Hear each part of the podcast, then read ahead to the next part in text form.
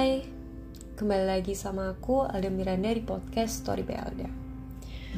Jadi sebelum aku mulai podcast ini mungkin aku mau cerita sekilas, mau curhat sekilas. Kalau sebenarnya selama beberapa minggu, no, uh, beberapa bulan terakhir ini aku nggak baik-baik aja. Aku sering banget nangis di tengah malam untuk banyak hal. Enggak sih, sebenarnya untuk satu konflik utama konflik utama lagi. Jadi um, untuk luka-luka aku di masa lalu untuk luka-luka masa lalu yang belum sembuh tiba-tiba tambahan banyak luka-luka baru lain dan segala macamnya. Dan um, banyak hal lah yang sampai bikin aku kehilangan kepercayaan sama orang lain dan segala macamnya. Sampai ada masa di mana aku ngerasa ini down banget dan kejadian aku nangis hampir setiap kali aku sendirian itu terjadi lagi. Jadi aku pernah juga ada di fase ini ketika aku masih ya bertahun-tahun lalu lah sudah lama banget. Aku juga pernah ada di fase seperti ini dan ini terulang lagi gitu.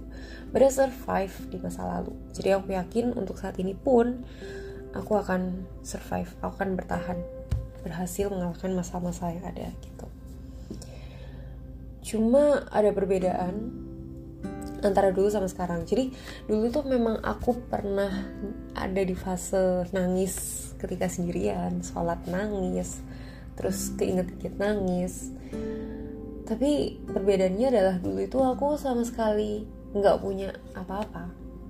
Bahkan diri aku sendiri pun nggak punya gitu.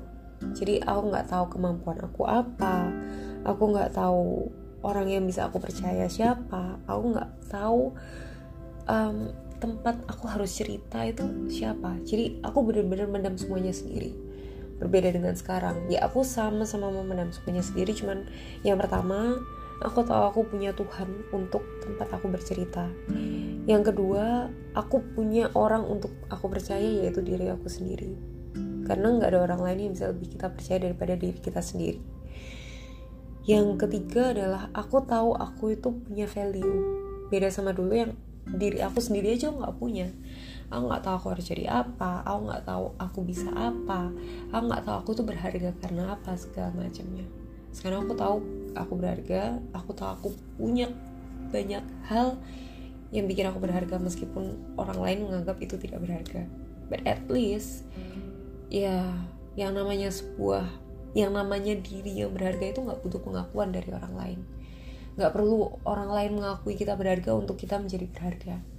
Aku percaya itu. Gitu. Jadi bedanya adalah aku punya diri aku sendiri saat ini.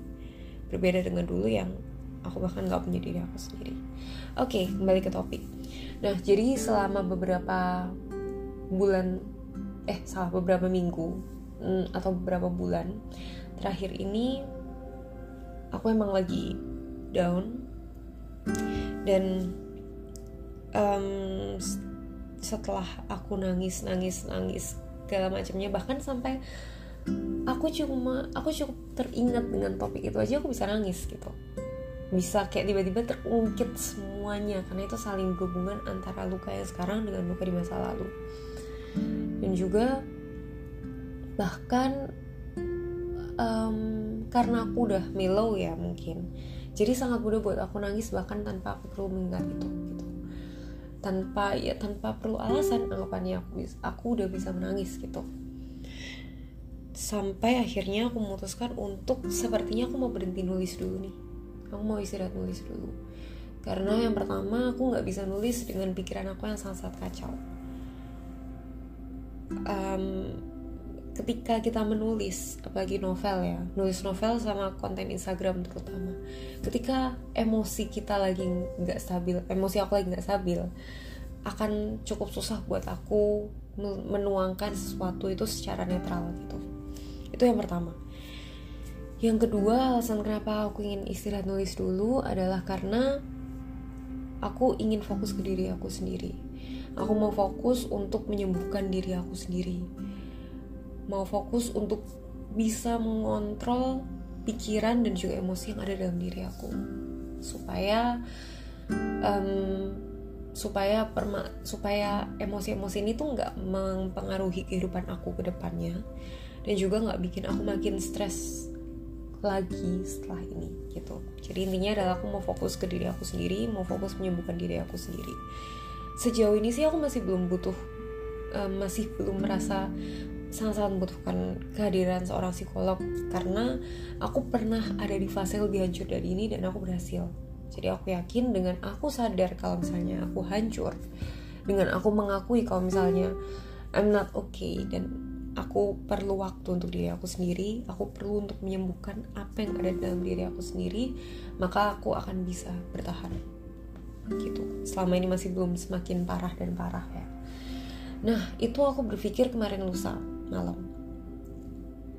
Malamnya lagi semakin larut ketika aku sudah memutuskan kayak yaudahlah aku mau berhenti dulu. Tiba-tiba ada notifikasi nih dari Wattpad dari cerita Ayara. Dia bilang sebenarnya ini udah bukan um, eh nih ya dia bilang kalau misalnya ceritanya bagus gitu. Ini cerita Ryan gak ada lanjutannya apa? Gitu. Jujur ini bukan komentar pertama yang aku dapat beberapa hari atau beberapa minggu terakhir. Itu ada beberapa komentar yang udah aku dapat selama beberapa minggu terakhir lah.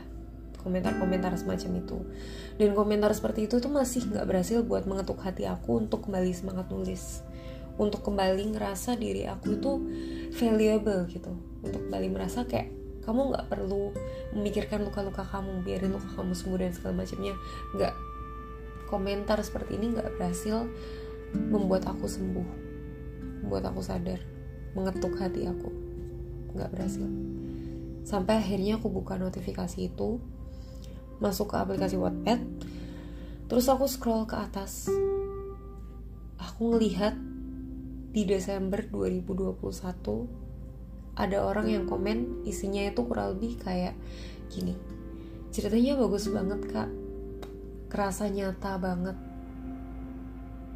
Semua orang yang baca ini pasti akan setuju dan juga ngerasa cerita ini tuh nyata. Aku nangis dari awal bab sampai akhir. Pokoknya banyak banget dia nangis. Intinya tuh seperti itu. Terus aku tuh tiba-tiba ketika aku baca itu akhirnya hati aku itu terketuk. Kayak aku sejujurnya ketika dia bilang cerita Ayara itu terasa nyata jawabannya adalah karena cerita Ayara itu memang nyata jadi Ayara lahir itu dari luka-luka aku. Konfliknya nggak bilang 100% sama, nggak cukup jauh berbeda.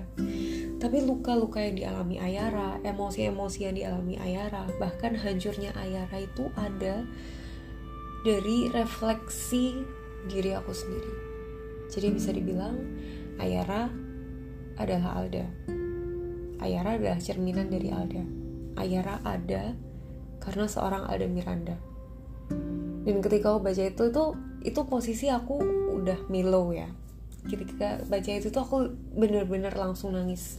Nangisnya tuh bukan karena nangis sedih atas kehidupan-kehidupan aku yang menyedihkan ini bukan. Cuma nangisnya tuh terharu. Terharu karena ternyata sudah sejauh ini ya aku melangkah. Ternyata sudah sejauh ini aku berusaha untuk bangkit dari luka-luka aku sampai akhirnya aku membuat cerita Ayara dan akhirnya cerita Ayara itu bisa menginspirasi banyak orang ternyata luka-luka aku itu justru yang membuat aku berharga gitu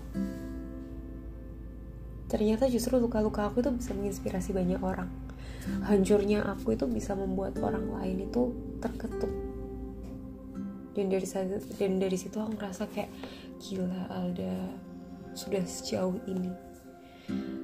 Dan memang um, tujuan aku membuat setiap cerita di novel aku adalah untuk menginspirasi banyak orang. Entah itu dari outline ceritanya entah itu dari um, cara penulisannya segala macamnya yang membuat orang lain tertarik untuk nulis segala macamnya. Tertarik untuk lebih produktif dan lain-lain. Intinya adalah aku ingin menginspirasi mereka. Dan ternyata keinginan aku untuk menginspirasi banyak orang tuh tanpa aku sadari sudah berimbas baik kepada aku sendiri. Banyak dari mereka yang suka sama karya aku. dan Ayara yang aku ambil dari sisi hancur pun bisa membuat aku itu berharga. Gitu jadi dari sini aku sadar kalau misalnya ternyata hal yang membuat aku berharga justru luka-luka aku di masa lalu. Bukan tentang kelebihan aku bukan tentang apa yang bisa aku lakukan bukan tentang hebatku apa sih bawaan aku dari lahir itu apa sih bukan. Justru di sini adalah diri aku sendiri dan juga kehancuran aku dan bagaimana cara aku bisa bertahan dari kehancuran itu dari luka-luka itu itulah yang membuat aku itu berharga. Dari situ kayak uh, aku nangis bener-bener nangis terharu ya kayak ih gila itu benar-benar menjadi keputusan aku untuk aku nggak ingin give up dengan mimpi aku. Dan aku akan terus mengembrace luka aku di masa lalu nggak akan lagi kayak memaki kenapa sih aku harus dapat luka ini? Kenapa sih aku harus dapat cobaan itu? Kenapa sih aku harus hancur seperti ini? Kenapa sih aku terlahir nggak punya apa-apa? I mean kayak nggak punya kemampuan apa-apa.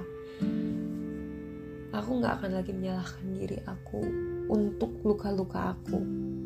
Karena ternyata luka-luka aku diri aku yang hancur ini yang bisa membuat aku merasa lebih berharga. Nah mungkin banyak dari kalian yang juga merasa ketik merasa hancur merasa lagi down. Aku yakin apalagi banyak yang mulai quarter life crisis crisis gitu. Atau mulai overthink tengah malam segala macamnya.